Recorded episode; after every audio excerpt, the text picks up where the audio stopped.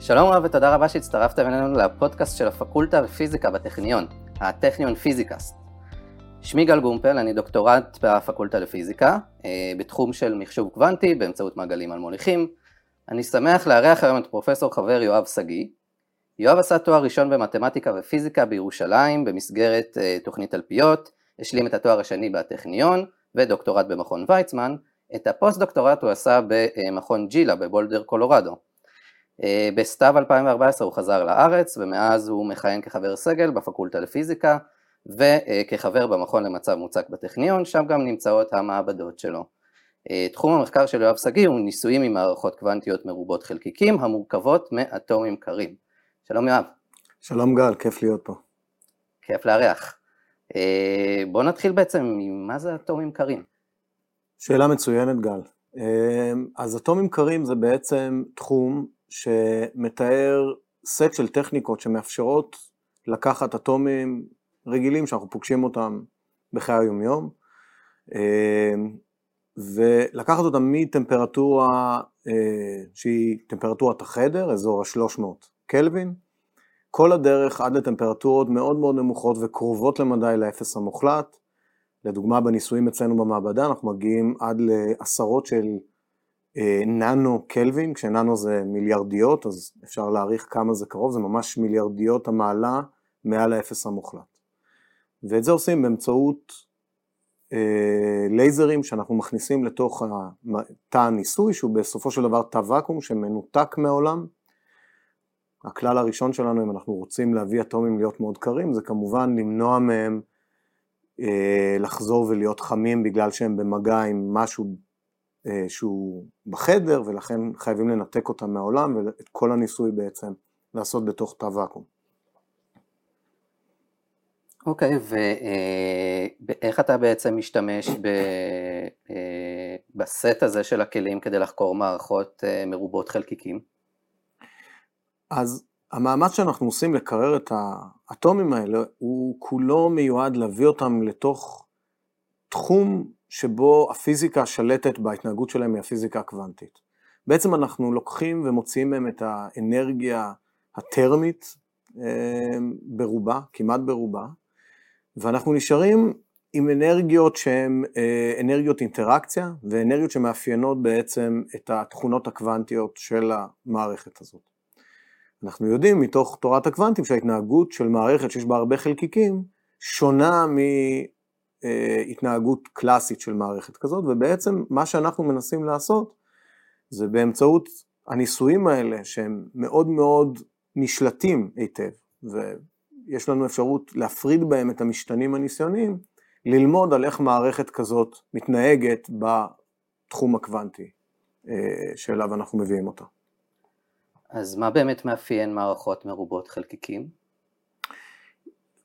אולי, ה, אולי הדבר הכי מעניין שאנחנו רואים זה כשיש להם איזושהי התנהגות קולקטיבית. זאת אומרת, אה, שהן לא מתנהגות כאוסף של חלקיקים בודדים, אלא שאנחנו בעצם יכולים לזהות כמו אינסטנכרנות כזאת ביניהם, שמביאה אותם להתנהג בצורה קולקטיבית. Mm-hmm. רואים לפעמים את הדבר הזה גם בעולם הקלאסי, יש לדוגמה ניסוי מפורסם ששמים הרבה מטרונומים על איזושהי פלטה, וכל עוד הפלטה יכולה לזוז, המטרונומים הקלאסיים האלה מתחילים לתקתק באותו הקצב. אז אם אני רגע רוצה להשליך את הדבר הזה לעולם הקוונטי, התופעות מהסוג הזה הן התופעות הכי מעניינות. ואולי שתי הדוגמאות שאיכשהו אנשים נחשפים אליהן גם ברמת המדע הפופולרי, זה על מוליכות, אותה תופעה שבה אלקטרונים אה, או נושאי מטען מתחילים לנוע אה, ללא חיכוך ובעצם לשאת חשמל ללא חיכוך. אה, ועוד דוגמה זה על נוזליות, זו דוגמה שבה נוזל בטמפרטורה מספיק נמוכה מתחיל לזרום ללא חיכוך ביח, ביחס לכלי שבו הוא נמצא. שתי התופעות האלה מערבות התנהגות קולקטיביות, איזושהי הסתנכרנות של המצב הקוונטי של כל החלקיקים האלה. ותופעות מאוד דומות לזה, כמעט זהות לזה, אנחנו רואים גם במעבדה שלנו, כשאנחנו מקררים את האטומים לטמפרטורות מספיק נמוכות ולתחום הקוונטי הזה. באמת אה, הזכרת שאחת התופעות אה, אה, המוכרות יותר של מערכות מרובות חלקיקים זה על מוליכות, וכיוון מגיע מהתחום, אני יכול גם לספר שזה בעצם גם אחת התגליות החשובות בעשורים האחרונים, אולי אפילו במאה האחרונה, והיא גם עומדת היום בבסיס של מחקר במחשוב קוונטי, שאולי גם תכף נגיע לדבר על זה, כי אנחנו עושים קצת דברים דומים במעבדות. נכון, וגם אתה יודע היטב, שאם היינו יכולים ליצור חומר כזה שהוא על מוליך בטמפרטורת החדר, נכון. היה מדובר באמת במהפכה טכנולוגית שאי אפשר אפילו לשער את תוצאותיה. ואין חוק פיזיקלי שאנחנו מודעים אליו שמונע מזה לקרות. יש לנו מגנטים בטמפרטורת החדר, זה לא נראה לנו מוזר. באותו אופן אנחנו לא מכירים סיבה עמוקה למה לא יהיה לנו על מוליך בטמפרטורת החדר, אז אחת מהסיבות שאנחנו מנסים להבין את ההתנהגות של מערכות כאלה, כמו נגיד על מוליך, זה כדי אולי להיות מסוגלים אה, להבין למה אנחנו לא מצליחים עד היום להנדס חומר כזה, שיהיה על מוליך בטמפרטורת החדר, או אפילו קרוב מאוד אליו. נכון, אז באמת מחקר חומרים, אה, מחקר בתכונות של חומרים קוונטיים, זה אה, אחד הדברים שבאמת אפשר לעשות עם הכלים הניסיוניים אצלכם במעבדה. מה באמת אה, אתם חוקרים במעבדה נכון להיום? אז היום לדוגמה אנחנו חוקרים, אני אתן לך דוגמה לממש מחקר שמתבצע, כמו שאומרים, as we speak, mm-hmm. כשחומר עובר להיות מהמצב העל מוליך שלו, העל נוזל שלו, המצב הקולקטיבי הזה, להיות מה שאנחנו קוראים לו נורמל, להיות חומר רגיל, אז הוא עובר בעצם מעבר פאזה, מעבר פאזה קוונטי. מצב סבירה, שאנחנו קוראים לזה. ב... נכון, יש לו איזושהי. טמפרטורה קריטית למעבר הזה, ואנחנו יכולים על ידי משחק בטמפרטורה לשנות אה, את המצב שלו מעל או מתחת למעבר. Mm-hmm. והיום אנחנו לדוגמה אה, לומדים את התכונות של המצב הנורמלי ממש לפני המעבר פאזה. ולמרות שקוראים לו מצב נורמלי, ומתוך זה אנחנו יכולים להסיק שאולי אנחנו מבינים את התכונות שלו, גם התכונות שלו הן די מוזרות, ואנחנו מנסים ללמוד לדוגמה את האקסיטציות, את הערעורים הבסיסיים של החומר הזה, כדי להבין אה, איך בסופו של דבר חומר כזה גם הופך אחרי זה להיות אה, על מוליך, לדוגמה. אז אה, אלה בדיוק סוג השאלות, וכניסיונאים אנחנו בעצם נותנים את הערעור הזה, מנסים לעורר אותו, במקרה שלנו באמצעות פוטונים חיצוניים, שאנחנו נותנים לאטומים ואז אנחנו בודקים לאן הם יכולים להגיע אחרי הערעור, וזה מלמד אותנו משהו על בעצם ה... איזה ערעורים יכולים להיות קיימים בחומר הזה ומה טיבו, אה, וזה סוג המחקר שאנחנו עושים היום. אתה יכול לתת לנו דוגמה לערעורים כאלה? כן, תראה, כשאנחנו לוקחים את הפוטונים האלה ונותנים אותם לחומר, אז אנחנו בעצם נותנים לו איזושהי מכה קטנה, איזשהו, מוסיפים לו איזשהו קצת תנע. ואז אנחנו... מה הכוונה, מוסיפים לו מהירות או... כן, פשוט נותנים לו אנרגיה ו... אה, ו... ותנע שיש לפוטונים האלה. ואז אנחנו מסתכלים בסופו של דבר איפה אנחנו מוצאים אחרי זה את התנע והאנרגיה הזאת בתוך החומר. לדוגמה, לפעמים אנחנו מוצאים שמתוך הענן הזה שיש לנו של האטומים, אנחנו פתאום רואים קבוצה קטנה של אטומים שיוצאת החוצה, ויש לה מהירות מאוד ספציפית, ואנחנו יכולים למדוד את המהירות הזאת, ואז אנחנו יודעים שהצלחנו לעורר את הקבוצה הקטנה הזאת באמצעות הפוטונים שהכנסנו. אז זה ערעור ספציפי שיצרנו, זה ערעור שבפיזיקה אנחנו קוראים לו קוואזי פרטיקל, כלומר דמוי חלקיק, למה? כי בעצם הוא מתנהג קצת כאילו זה היה אטום בודד אחד, זה אמנם קבוצה, אבל עכשיו יש לה תכונות כאילו היא הייתה אטום בודד. אז על ידי מיפוי של החלקיקים החלקיים האלה, של הקוואזי פרטיקלס האלה, אנחנו יכולים בעצם ללמוד על החומר שמהם הם יצאו. זו דוגמה למדידה, אנחנו כמובן סורקים את הפרמטרים השונים של הפוטונים, ואז יכולים לקבל תמונה מלאה של מה קורה בתוך החומר.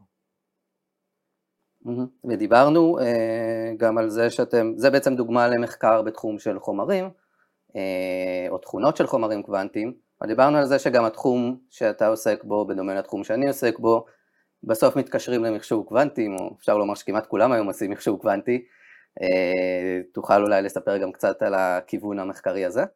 בטח. יש אצלנו בעצם בקבוצה שני ניסויים שרצים, ואחד מהם הוא בכיוונים שדיברנו עליהם כבר, וניסוי שני שרץ הוא בדיוק בכיוון של מחשוב קוונטי. ובעצם הרעיון הוא שאם אנחנו יכולים באמת להוציא את כל האנרגיה הטרמית, כפי שהסברתי, ולהביא אטומים לתחום שבו הם אה, נשלטים לחלוטין על ידי מכניקת הקוונטים, אז אולי אנחנו יכולים גם להשתמש בתכונות הקוונטיות האלה כדי להשיג משהו שהוא אה, שימושי.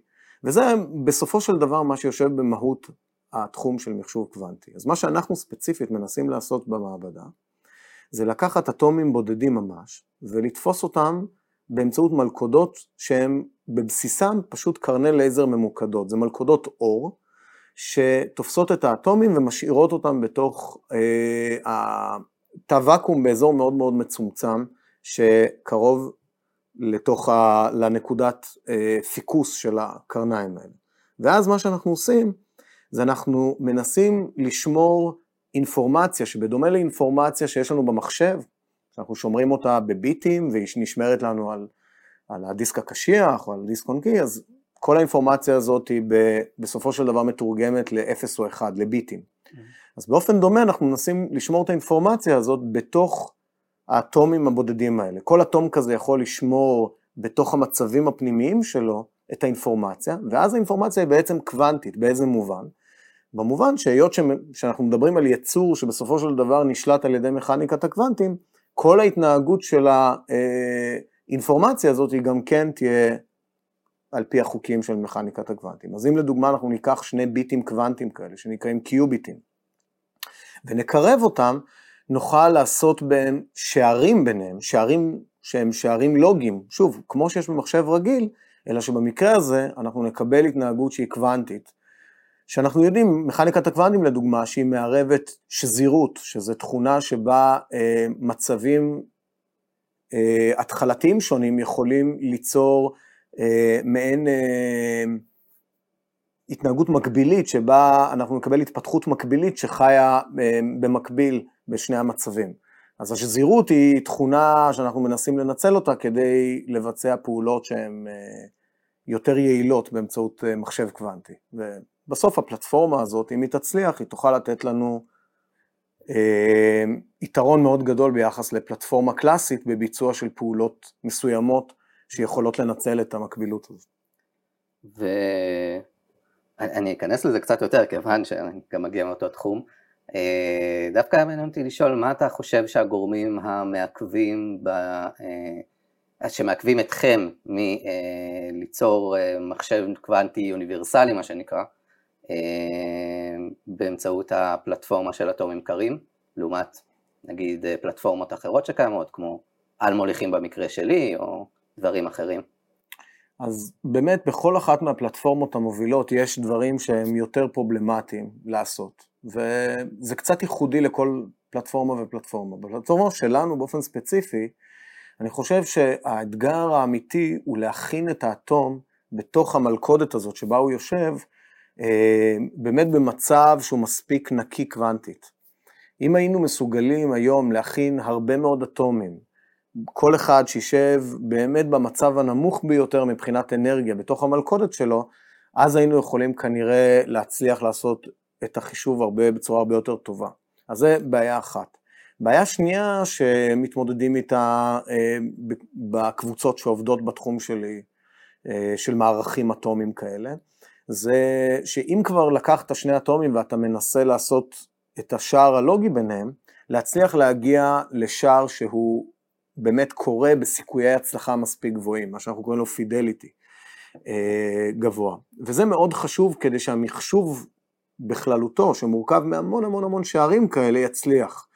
אתה לפעמים אה, אה, תופס את הראש ואומר, וואו, כדי להצליח לעשות את המחשוב שעשוי מכל כך הרבה שערים, אני צריך בסוף שכל שער יהיה באמת ב-99.999% מוצלח, והדרישה הזאת, שהיא באמת נורא כזאת מחמירה, היא נובעת מזה שבסוף יש המון המון המון שערים. אז צריך שהסיכוי לכשל של כל אחד מהם יהיה באמת נורא נורא קטן. זה אתגר שאני חושב שמשותף לכל הפלטפורמות, נכון. וגם אצלנו הוא קיים.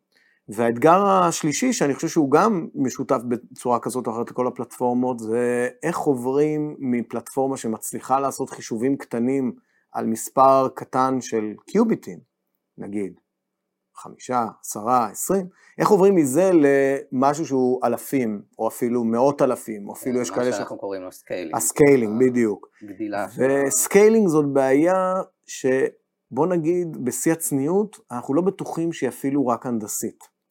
זאת אומרת, יש בה הרבה מאוד מרכיב הנדסי של איך לגרום למערכת להצליח לנהל בצורה טובה הרבה מאוד קיוביטים, וגם איך לגרום להם להישאר מה שאנחנו קוראים קוהרנטית, קוונטית, זאת אומרת שהם לא, לא מתבלבלת להם האינפורמציה הקוונטית ששמרנו בהם לאורך זמן, אבל גם ברמה הבסיסית יכול להיות שאנחנו לא עד הסוף מבינים את הפיזיקה של המון המון המון המון מערכות קוונטיות כאלה שצימדנו אותן.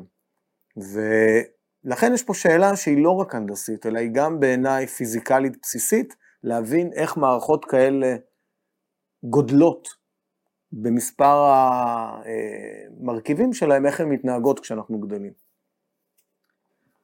אה, מה אתה חושב שהיום השאלות אה, הכי בוערות בתחום של אה, אטומים קרים? אז אני חושב שבאמת יש כמה תחומים שרואים את, ה, את המחקר בעולם הולך והוא מאוד מבטיח. אחד מהם זה ללא ספק מה שדיברנו על המערכים האטומיים. גם מבחינת כמות הקבוצות החדשות שקמות ומטפלות בבעיה הזאת, ומנסות כל מיני גישות, יש המון וריאציות לגישה, לגישה הזאת. זה מתחיל בשאלה לדוגמה, איזה אטום אתה בדיוק משתמש, האם אתה משתמש רק באטום אחד, לדוגמה יש ניסויים שבהם משתמשים ביותר מאטום אחד, יכולים לבנות המערכים האלה משני סוגים של אטומים, שכל אחד מהם טוב למשהו אחר, ואז להשתמש ביתרונות היחסיים של כל אטום ואטום. יש אה, גישות שבכלל הולכות לכיוונים של אה, מולקולות, לדוגמה, אה, לתפוס איזושהי מולקולה, ואז להשתמש בעובדה שמולקולה היא באופייה יצור שהוא לא סימטרי, יש לו איזו קוטביות כזאת, ולקחת את זה ולהשתמש בו נגיד כדי לממש שערים. אז זה בהחלט תחום מחקר אחד שיש בו המון המון מאמץ. יש תחום נוסף שיש בו הרבה מאמץ, וזה לנסות ולדמות ככל האפשר מערכות של מצב מוצק. באמצעות מערכות אטומים קרים, ומערכות של מצב מוצק הם הרבה פעמים בעצם מה שמאפיין אותם זה העובדה שיש בהם אה, סדר חוזר, periodic ordering אה, כלשהו, נגיד בגלל איזשהו אה, שריג שקיים, כן, אנחנו מכירים. דוגמה למשל היא, הם כל מיני מוצקים שהם נכון. בצורה של שריג, בדיוק. או אה, חומרים דו-ממדיים שיש להם איזושהי אה, צורה של שריג כמו גרפן למשל. נכון. אז אם אנחנו רוצים ללמוד על ההתנהגות של חומרים כאלה, אנחנו חייבים ליצור את השריג הזה גם במעבדה, ואפשר ליצור אותו באמצעות אור, שוב, לקחת קרני לייזר שמתאבכות אחת עם השנייה ויוצרות מבנה שריגי כזה. אה, ויש המון מאמץ גם לפתח כלים שמצליחים ליצור את המצב הקוונטי המעניין בתוך מערכת כזאת של שריג, וגם, ולא פחות חשוב, לפתח כלי מדידה שמסוגלים בסוף לבוא ולהגיד ממש ברמה של איפה כל אטום יושב בתוך השריג הזה, אלה יכולות לדוגמה שהן מאוד ייחודיות לעולם של מחשוב, של, של אטומים קרים, ואין אותם, אי אפשר להגיד איפה כל אלקטרון יושב, זה לא מדידה שאנחנו יודעים לעשות בתוך מערכת שהיא ממש מצב מוצק, אז כאן אנחנו ממש נכנסים, עוברים את הגבול של בין סימולטור, אם אתה רוצה, למשהו שנותן לנו ידע ואפשרות לגשת לגדלים מדידים שלא היינו מסוגלים לגשת אליהם אחרת. אם אנחנו לא עובדים בעולם של אטומים קרים. אז אלה שני דוגמאות למחקר, למאמץ מחקרי שיש אה, גדול בעולם. עוד דברים שאני מזהה אותם ככיוונים מאוד מבטיחים, זה, זה להכניס לתוך המערכת הזאת איזושהי שליטה שאתה עושה אותה בזמן. זאת אומרת, אתה יכול לקחת מערכת של אטומים קרים ולהגיד, עכשיו אני מבחוץ לדוגמה מנדנד אותה. אה, באמצעות כוח שאני מכניס אותו למערכת ומנדנד אותו מאוד מהר. למה שאני ארצה לעשות דבר כזה? כי אז אולי אם אני אעשה את זה מספיק מהר, אני אוכל ליצור עבור האטומים האלה איזושהי התנהגות שהיא שוב מאוד מעניינת ולא קיימת במציאות הרגילה בלעדי הכוח הזה. אז גם לנו הייתה לדוגמה עבודה שפרסמנו לא מזמן על זה, ואנחנו רואים הרבה מאוד הבטחה בכיוון הזה של לעשות סוג של engineering, אם אתה רוצה, הנדסה של הכוחות החיצוניים האלה שתלויים בזמן, כדי להשיג מצבים מאוד מעניינים אה, של המערכת האטומית. כלומר, שליטה בזמן כמו שיש לכם שליטה במרחב נכון. של האטומים. והכי טוב אם אפשר באמת לשלב את שני הדברים. כן. ואז אתה מקבל באמת, שוב, רמת שליטה ובקרה מאוד גבוהה, שזה בסוף באמת היתרון היחסי הגדול ביותר של המערכות שאנחנו עובדים איתן. עוד מחקר מעניין שיצא לי לשמוע עליו מהמעבדה שלך, אה, דווקא מחקר בתחום של יותר אה, פיזיקה יסודית. אה, המחקר של הדוקטורנט שלך, גל שמו גם כן. גל נס, כן. גל נס, על גבול המהירות בתחום הקוונטי, ואני אשמח אם תוכל גם לספר קצת על זה, כי דיברנו על הנדסת חומרים ודיברנו על מחשוב קוונטי, ויש גם פיזיקה מאוד יסודית שאפשר לחקור עדיין. כן, אתה מעלה אה, שאלה מאוד מעניינת ותודה לך על זה. המחקר שאתה מדבר עליו, שנעשה בשיתוף פעולה עם עוד קבוצה בבון, אה, של אנדרי אלברטי, אה, זה מחקר שבו בעצם שאלנו שאלה שהיא נראית על פניה פשוטה. שאלנו, אנחנו יודעים שהמציאות מתוארת על ידי מצבים קוונטיים, ושמערכת יכולה לעבור ממצב קוונטי אחד למצב קוונטי אחר, אבל כמה מהר זה יכול לקרות? זאת אומרת, אם היא התחילה במצב מספר 1, ואנחנו יודעים שאנחנו רוצים להגיע למצב מספר 2, כמה אנחנו יכולים לצפות שהמערכת תעשה את זה מהר? אז אתה יכול לשאול אותי, למה בכלל מהר זה חשוב? אז אתה יודע, לקשור את זה רגע למה שדיברנו עליו קודם, מחשוב, אתה יודע, בסופו של דבר שערים קוונטיים, זה בדיוק זה, זה מערכת שמגיעה ממצב אחד למצב שני. וברור שאנחנו רוצים לא רק ליצור מחשב קוונטי, אלא גם ליצור מחשב שפועל מהר. נכון? אנחנו בסוף רוצים שהוא יפעל כמה שיותר מהר. אז השאלה כמה מהר מערכת יכולה להגיע ממצב אחד לשני, היא שאלה שיש לה לא רק חשיבות בסיסית, אלא גם חשיבות פרקטית, כדי להבין כמה מהר לדוגמה מערכות מחשוב כאלה יכולות לעבוד. השאלה שאנחנו התרכזנו בה היא, מה קורה למערכת שיש בה לא רק שני מצבים? אנחנו דיברנו, כששוחחנו על קיוביטים, על בעצם 0 ו-1, נכון? נכון.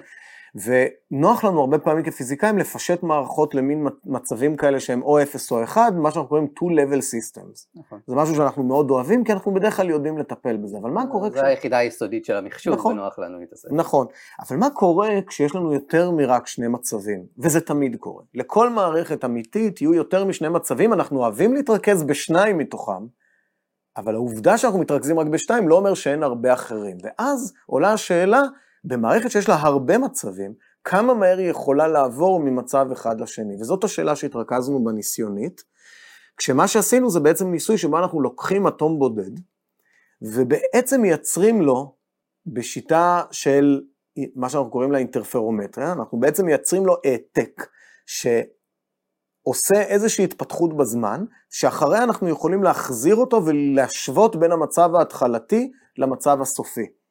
כשהניסוי הזה קורה, זה לא שיש לנו שני אטומים, שאחד מהם עובר את ההתפתחות ואחד לא, אלא זה שממש אנחנו מנצלים כאן את התכונה הבסיסית של האטום, שהוא יודע להיות בשזירות, ומייצרים לו שני העתקים, אחד שעובר את הדינמיקה, את ההתפתחות בזמן, והשני שלא קורה לו כלום והוא נשאר כמו המצב ההתחלתי.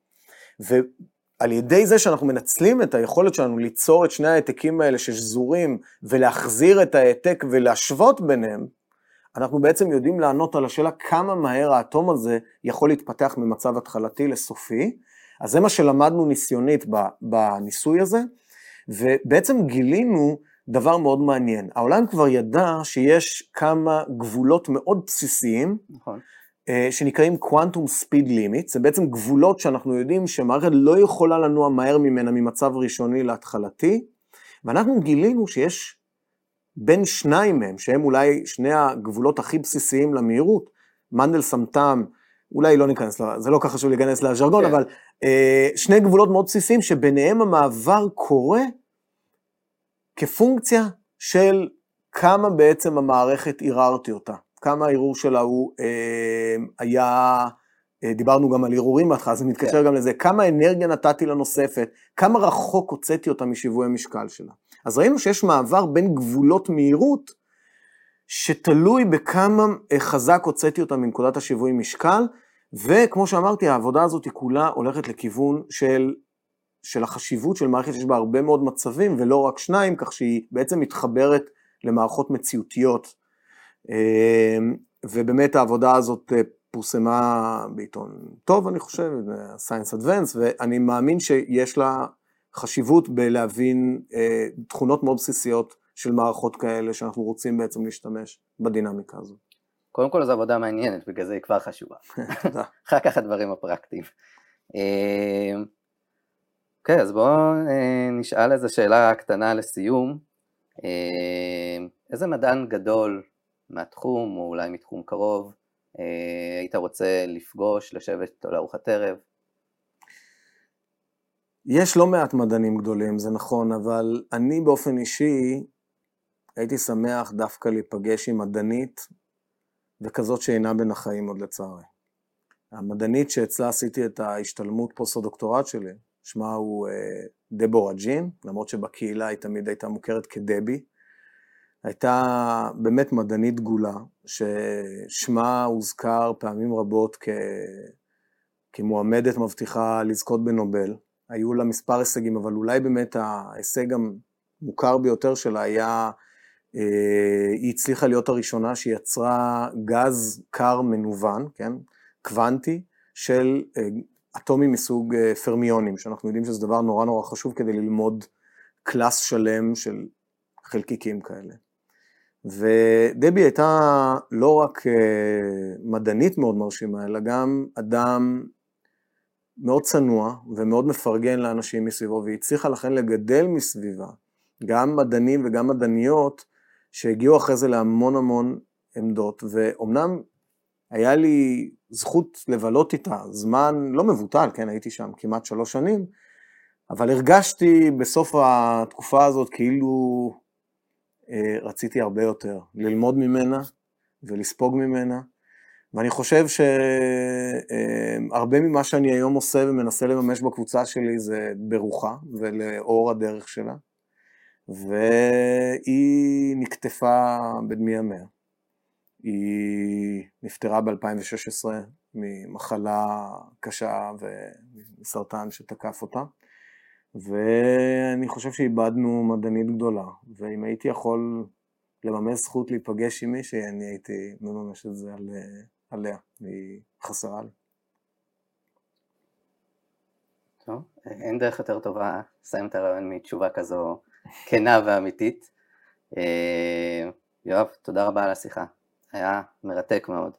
תודה לך גל ועל השאלות המעניינות, ואני מקווה שעניינו את המאזינים שלנו אולי אה, לבוא וללמוד עוד, והפקולטה שלנו יודעת אה, מציעה באמת סל קורסים ודרכים שונות אה, לממש את הסקרנות הזאת, ספציפית בתחומים האלה של, של מחשוב קוונטי ובכלל כל הנושא של להשתמש במכניקת הקוונטים כדי ללמוד מערכות מורכבות וכן הלאה, אז אני מקווה שזה יוביל אותם להתעניין גם גם בפיזיקה גם וגם בפיזיקה בטכניון. בהחלט. אוקיי, okay, אז תודה רבה גם למאזינים, ואתם מוזמנים להצטרף אלינו גם אה, לפרק הבא של הטכניון פיזיקאסט. ועד אז אה, מוזמנים גם לבקר אותנו באתר הפקולטה לפיזיקה בטכניון. פשוט לרשום בגוגל פיזיקה בטכניון, וזו התוצאה הראשונה.